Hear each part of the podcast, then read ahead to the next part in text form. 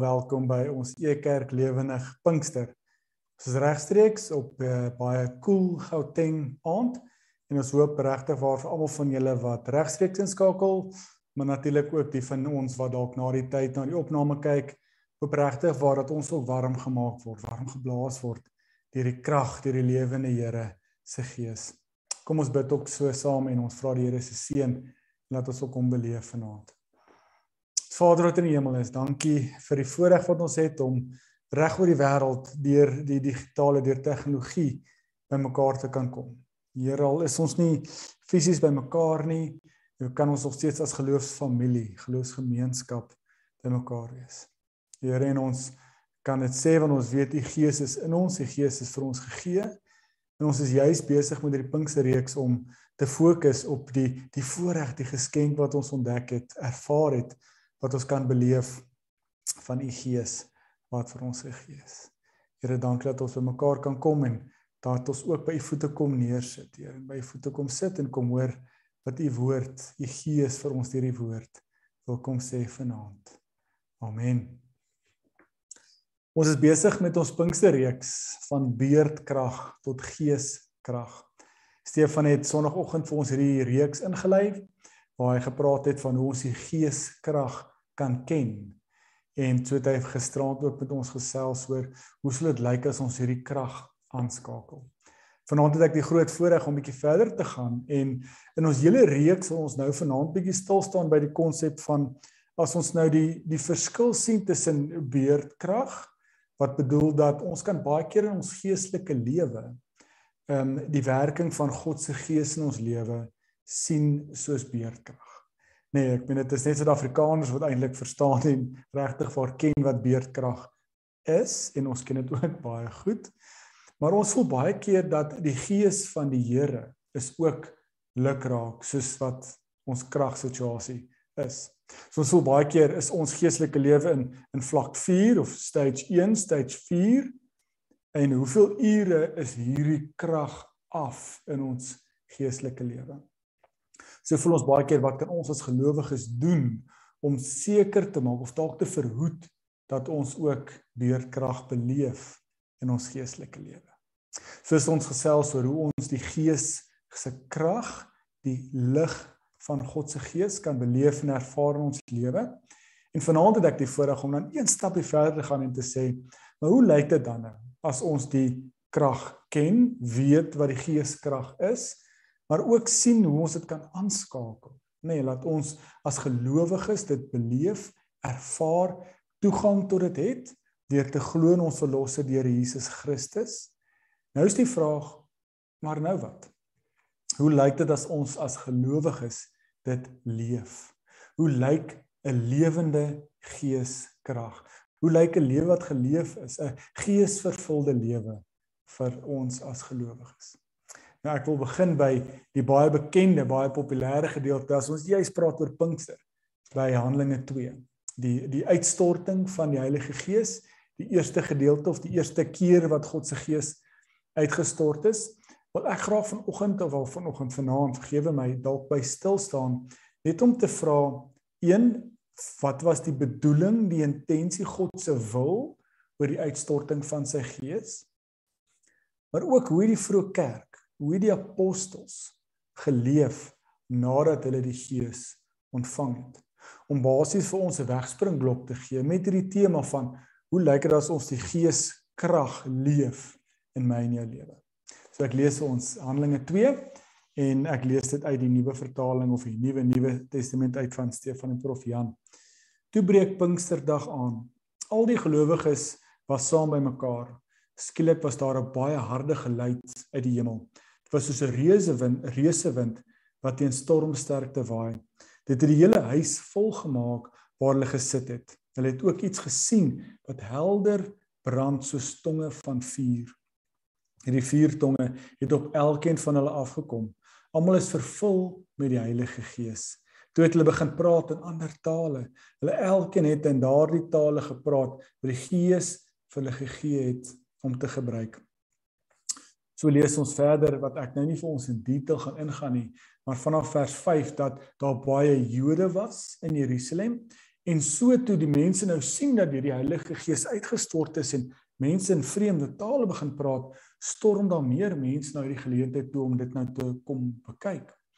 So lees ons dat daar verskillende tipe uit verskillende kulture mense was wat betrokke was, teenwoordig was by hierdie Pinkster Sondag, nê, nee, waar die uitstorting van die Gees plaasgevind het. Nou lees ek vanaf vers 11 weer. Hier is ook Jode sowel as nie Jode wat wat hulle tot die Jodendom bekeer het. Ons almal hoor hoe die gelowiges in ons eie tale praat. Hulle praat oor al die magtige dinge wat God doen. Almal was heeltemal stom geslaan. Hulle het nie mooi geweet hoe om dit te verstaan nie. Hulle het vir mekaar gesê, "Wat beteken dit?" Maar ander het begin spot. Hulle het sekere spul soetwyn ingeneem. So lees ons die eerste gedeelte of die eerste geleentheid van waar God se gees uitgestort is. Waar ons tema van vanaand waar beerdkrag uitgeskakel is en geeskrag word ingeskop. Ons sien hoe die apostels en klomp gelowiges wat hulle lewe vir die Here gegee het tot die ehm um, geloof gekom het in Jesus Christus betrokke is by hierdie geleentheid. So sien ons die die verwarring nê nee, van die gemeenskap want hulle dink hoekom iewes skielik ons ons kom vanuit 'n ander kultuur uit van 'n ander omgewing uit en ons praat ander taal en ons on, ons kan hoor en verstaan wat hulle sê. En dan lees ons verder vanaf vers 14 waar Petrus dan hierdie groot toespraak gee om te verduidelik dat dit nie nie wyn is nie, maar dat die Gees se krag ingeskop het. En so lees ons waar die die groep gelowiges regtig waar eksponensieel uitgebrei het waar hulle begin het met met 12 disippels, apostels, weiervolgelinge. Ons lees van waar 120 gelowiges was en iewes skielik het hulle duisende bekeerlinge, duisende gelowiges geword. Waar Petrus en die apostels hulle bekeer het, die gemeente, die mense het natuurlik hulle self bekeer. Waar Petrus hulle gedoop het, waar hulle in die naam van ons Here Jesus Christus gedoop is, soos wat Jesus gevra het in Matteus 28 Lukas 24 waar die Gees se krag soos 'n stoomroller geloop het deur die vroeë kerk en deur die omgewing. So dit is Pinkster. Dit is die die eerste geleentheid waar ons lees van hoe die Here se Gees vir ons gegee is. So lees ons bietjie verder in Handelinge 2 hoe dit gelyk het as hierdie groep gelowiges wat die Gees krag ontvang het hoe hulle geleef het. En ek lees vir ons in Handelinge 10 vanaf vers 42. Al die gelowiges het met groot entoesiasme en toewyding geluister na dit wat die apostels geleer het. Al die gelowiges het geloofsgemeenskap saam met mekaar beleef. Hulle het saam geëet, brood gebreek in die teenwoordigheid van die Here. Ook het hulle saam gebid. Daar was groot eerbied vir die Here in almal van hulle se harte. Die apostels het ook baie wondertekens of wonders en tekens gedoen. Al die gelowiges was soos 'n groot nuwe familie. Hulle het gereeld saamgekom. Alles wat hulle besit het, het hulle met mekaar gedeel. Hulle het hulle eiendom en ander besittings verkoop. Hulle het die geld wat hulle hieruit gekry het onder almal verdeel. Hulle het dit gedoen volgens elkeen se nood en behoeftes. Dag vir dag het hulle met groot entoesiasme en toewyding saamgekom in die tempel. Hulle het hulle almal was eengesind. Hulle het gereeld in verskillende huise saam geëet. Hulle het hulle kos met mekaar gedeel. Hulle het dit gedoen met groot vreugde en almal was nederig van hart. Niemand het te veel van hulle self gedink nie. Hulle het met God met oorgawe geprys. Hulle het hulle, hulle die hele volk het respek gehad vir hulle. Die Here het dag vir dag nuwe mense wat gered is by hierdie gelowiges gevoeg. So lees ons net nadat die God se gees uitgestort is, hoe die vroeë kerk, hoe die geeskrag die mense wat met gees vervul is, hoe hulle geleef het. En ons kan baie duidelik sien hierdie merkers van ek kan eintlik dit opsom met een woord deur te sê hulle het nie opgegaar nie, maar hulle het uitgedeel. Hulle het gedeel. Daar's 'n universele gees wat in hulle en deur hulle werk. So het hulle gesê, "Maar wat myne is, is joune want ons is een in gees." So het hulle besittings gedeel, hulle het hulle kos gedeel, hulle tyd gedeel, hulle hulle geestelike lewe met mekaar gedeel. So lees ons ook verder hoe hulle tyd spandeer het saam met God en met mekaar. Waar hulle nader gegroei het aan mekaar en ook so aan en met God. Gees van God het hulle na mekaar toe gebring soos 'n magneet nader na God toe gebring. So het hulle ook natuurlik saam geëet en gereeld saam gebid. So ons sien hoe die gemeenskap, geloofsgemeenskap die lewe saam gedoen het. So sien ons ook dat vreugde of blydskap het ingeskop. Dalk is dit ons die woorde van Paulus in Romeine 8 gebruik dat hulle besef hierdie geskenk wat hulle ontdek het, dat hulle verdien nie die feit dat God se gees vir hulle gegee is nie, maar hulle dit ontvang. Nou is dit 'n 'n geestelike eengesindheid tussen hulle en hulle kan met vreugde en blydskap die lewe doen, God eer, God prys vir wat hulle ontvang het, vir wie hulle is in hom en ook sodat hulle met blydskap die lewe kan doen en ook so saam God prys. Nou, ons kan baie maklik vanaand amen sê daar en aanbeweeg. Dit is 'n baie maklike roete om te sê ons moet net eengesind wees. Ons moet net mededeelsaam wees. Ons moet net ons ons besittings, ons tyd, ons geld, ons gawes deel met mekaar. En as ons verder kyk, dan sien ons hoe die die apostels konflik beleef in die res van Handelinge waar die Joodse raad hulle heeltyd bevraagteken, hulle word in die tronk gegooi en die gees van God bevry hulle op 'n manier. En in Handelinge 4 lees ons weer eens basies dieselfde herhaling van hierdie besittings wat gedeel is. Die gees van God maak hulle beursies oop en hulle hande oop om te sê wat myne is is joune. Dat hulle eensgesind begin leef. Maar as ons bietjie verder lees en ek wil vanaand eintlik klaarmaak en fokus op Handelinge 10. Want ek sien Petrus bietjie verder in Handelinge help ons eintlik en ek dink dit is vir ons as gelowiges vandag in 2022 nog 'n belangriker merker van hoe dit lyk as ons 'n geesvervulde lewe leef. En ek wil graag vir ons dadelik begin deur te lees Handelinge 10. Dis 'n baie lang gedeelte Handelinge 10 en ek gaan 'n bietjie Handelinge 11 ook vat. En dit is 'n gedeelte wat baie keer wil ek sê op 'n manier herhaal. Handelinge 10 is die verhaal van Kornelius en wat 'n visioen sien en hoe die gees of 'n engel met Kornelius praat en mense stuur na Petrus toe en waar Petrus in dieselfde asem ook deur die gees van God begelei is en hoe God deur sy gees en deur sy engel Kornelius en Petrus ook bymekaar kry. Nou ek lees vir ons 'n paar verse deur hierdie verhaal, Handelinge 10.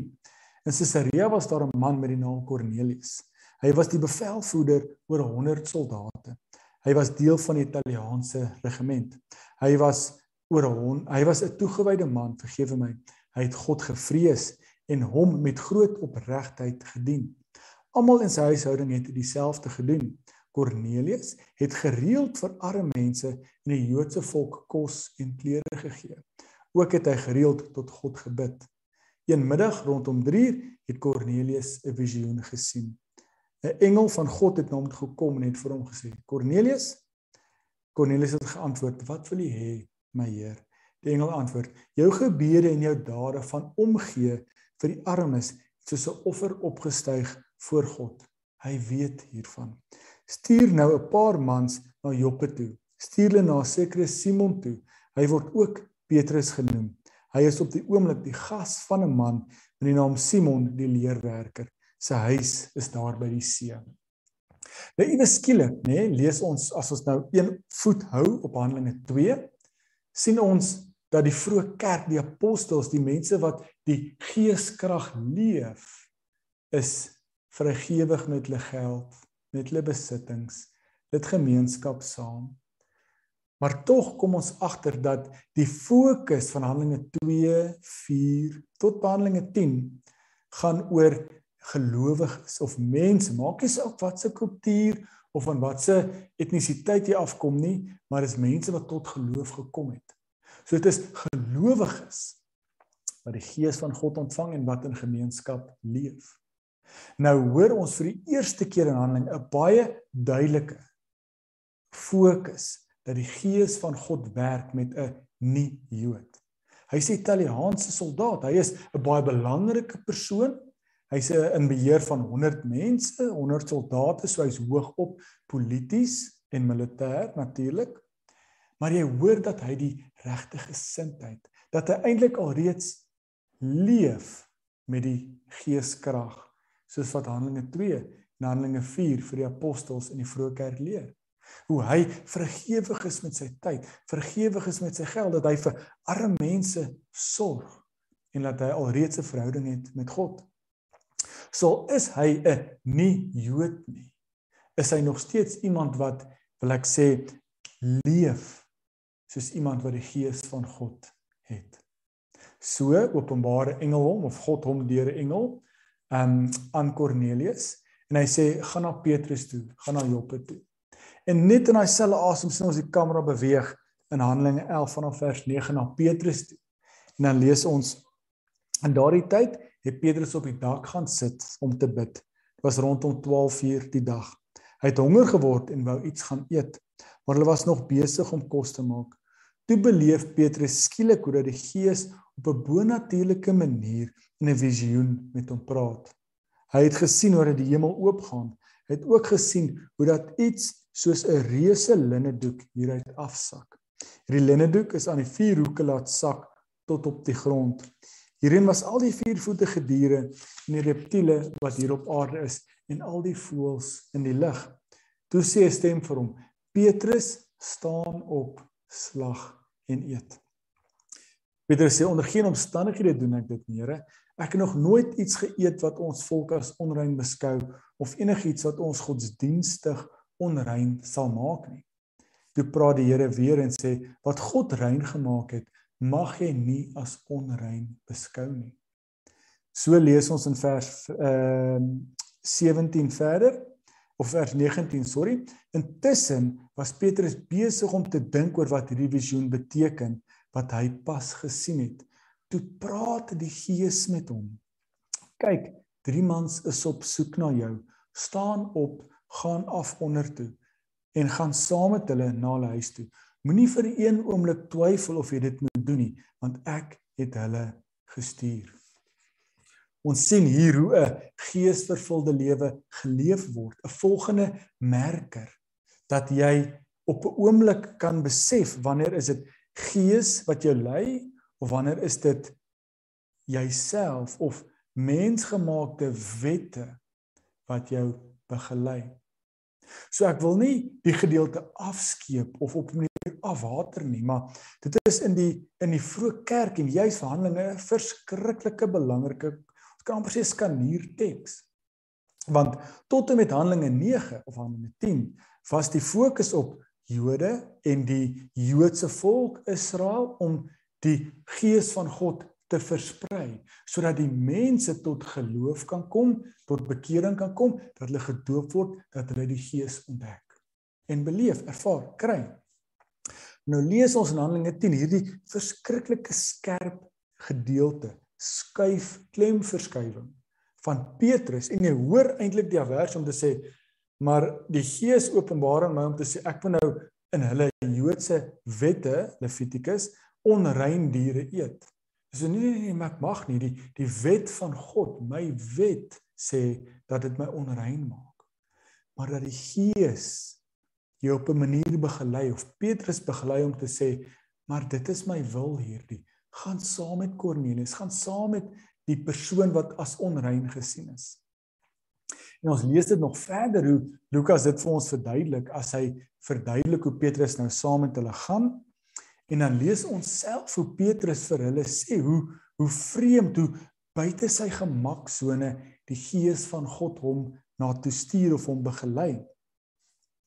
Ehm um, ons lees hier byvoorbeeld ehm um, in vers vanaf vers 23 waar Petrus opdaag en ehm um, met Kornelius praat en hy sê in vers 27 byvoorbeeld terwyl hy Kornelius praat hy binne toe gestap daar het hy het Petrus vir hulle gesê, "Julle, hy praat met Kornelius en hierdie groep mense saam met wie hy na wie toe die Gees hom gestuur het, nê, sy buite gemaksone. Julle weet dat dit verbode is vir enige Joodse man om met 'n nie-Jood te assosieer nie, om in hulle huis in te gaan. Maar God het vir my gewys dat geen mens onrein is nie. Niemand is uitgesluit omdat hulle nie ons godsdienstige rituele navolg nie. Rituele navolg nie. Daarom het ek nie vir een oomblik gehuiwer of geprotesteer nie. Ek het dadelik hierheen gekom toe ek ontbied is. Sê hoor hoe hierdie eintlik hierdie worsteling van Petrus nie om te sê maar my godsdienstige wette sê ek is onrein. Maar die gees van God lei my buite my godsdienstige gemaksone in om te sê God gaan iets hier doen. Ek weet nie wat nie, maar laat ek gehoorsaam wees, laat ek dat God se gees my lei. Dit is ons baie belangrik en vir die vroeë kerk baie belangrik want so deel Petrus evangelie met hierdie hoë op ek kan nou net indink dat Kornelius en sy vriende wie daar by mekaar kom is belangrike mense mense van gesag maar nie Jode nie en dan kom hulle tot bekering hulle kom tot inkeer en die Heilige Gees word uitgestort op Kornelius en sy vriende in sy huis. Petrus ag Stefan praat altyd van Pinkster 2.0 Pinkster 1.0 die gees van God word uitgestort na Handelinge 2 op die apostels en die wye groep van disippels. Maar in Handelinge 10 word Petrus een persoon word gelei deur die gees na Kornelius toe na onrein mense toe in die wêreld in die Joodse wêreld. En die gees van God word uitgestort op hierdie onrein mense. En dan sien ons dit is so ernstig dat die Joodse Raad, die kerk, kom ontbied Petrus en raak kwaad. Ons lees in Handelinge 11. Die apostels en die gelowiges regdeur die Judea het gehoor hoe dat nie Jode die woord van God aanvaar het. Toe Petrus terugkeer na Jerusalem toe het Joodse gelowiges hom hieroor uitgepraat of uitgevat, aangevat, sorry. Hulle het vir hom gesê: "Jy het onwettig in mense se huise ingegaan wat nie besny is nie." Boonop het jy ook saam met hulle geëet, Petrus. Toe begin Petrus om verstap vir hulle te verduidelik wat gebeur het. Vertel hy vir hulle die hele verhaal. Dan lees ons hier baie belangrik vanaf vers um 16 17 van Handelinge 11. God het vir hulle dieselfde hemelse geskenk gegee as vir ons toe ons begin glo het in die Here Jesus Christus. So wie is ek dan om te dink ek kan vir God probeer keer om dit te doen. So besluit die Joodse Raad, hulle besef wat gebeur het en hulle raak ook gevul met vreugde en blydskap. Hulle besef dat nie Jode het ook tot inkeer, tot bekering gekom en hulle het ook die Gees ontvang en hulle is deel van God se nuwe familie. So wat probeer ons vanaand vir mekaar sê? Ons probeer gesels deur te sê hoe lyk dit as ons 'n lewe leef van 'n gees vervulde lewe. Hoe lyk dit as ons die geeskrag nie net aanskakel nie, maar ook leef? Ons het gesien dat Handelinge 2 ons leer dat ons baie ons ons besittings, ons tyd, ons gawes, Stefan gaan dit die laaste aand met ons deel, moet deel met mekaar. Dis 'n lewe van weggee. Maar wat help Handelinge 10 ons? Ons as Suid-Afrikaners, juis as ons praat van beerdkrag, en ek dink ook die die geskiedenis waarmee ons sit, maak dat ons as gelowiges in Suid-Afrika nie wil weggee nie, maar ons wil opgaar. Ons is soveel keer in ons geloofslewe soos hierdie Joodse raad na Handelinge 11. Ons sê, maar ons het die Gees ontvang, maar dis ons sin. Ons mag dit met niemand deel nie, dis dis ons sin.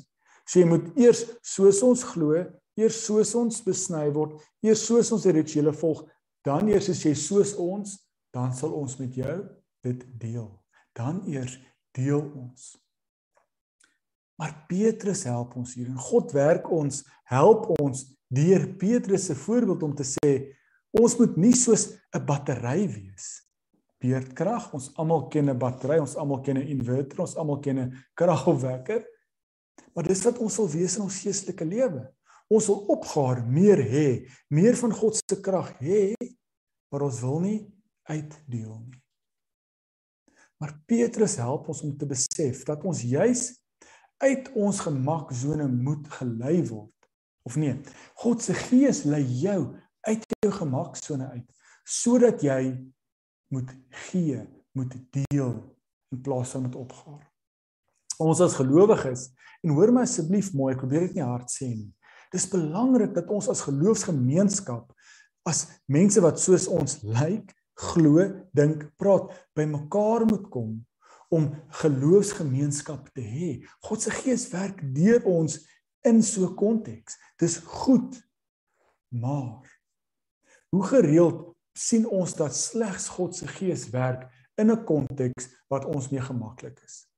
'n Konteks waar mense soos ons lyk, soos ons praat, soos ons glo, soos ons dink. Maar ons glo nie dat God ons stuur soos Petrus uit sy gemaksone uit na 'n konteks waar ons ongemaklik is. In 'n konteks waar mense nie soos ons glo, nie soos ons dink, nie soos ons praat, nie soos ons lyk nie is dit nie juis wanneer ons die geeskrag leef nie. Dat ons soos 'n Petrus gehoorsaam kan wees aan die leiding van God se gees in ons lewe. Dat ons in 'n vreemde ongemaklike konteks mag kom maar nog steeds gehoorsaam kan wees aan die roeping wat God op ons harte geplaas het. Nog steeds gehoorsaam kan wees aan die die lewenstyl wat God van ons verwag. Om nog steeds 'n voorbeeld te wees van hoe 'n gelowige gelowige kan leef. En miskien net in daai oomblik deur gehoorsaam te wees aan die leiding van die Gees in 'n vreemde konteks kan God se Gees deur my en jou ook werk. Om daai mense in daai konteks tot inkeer te laat kom dat daai mense tot geloof kan kom, dat daai mense deel raak van God se nuwe koninkryk, dat daai mense in daai vreemde konteks wat nie soos jy lyk of ryk of praat of glo nie, tot geloof kan kom in ons Here Jesus Christus. Is dit nie hoe dit lyk as ons 'n geesvervulde lewe leef nie? Mag ons nie net fokus om saam met mense bymekaar te kom wat soos ons glo, soos ons lyk, soos ons praat, soos ons dink nie.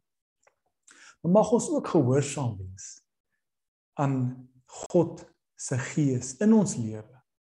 As dit daai gees aangeskakel is, dan is ons nie batterye wat opgaar nie.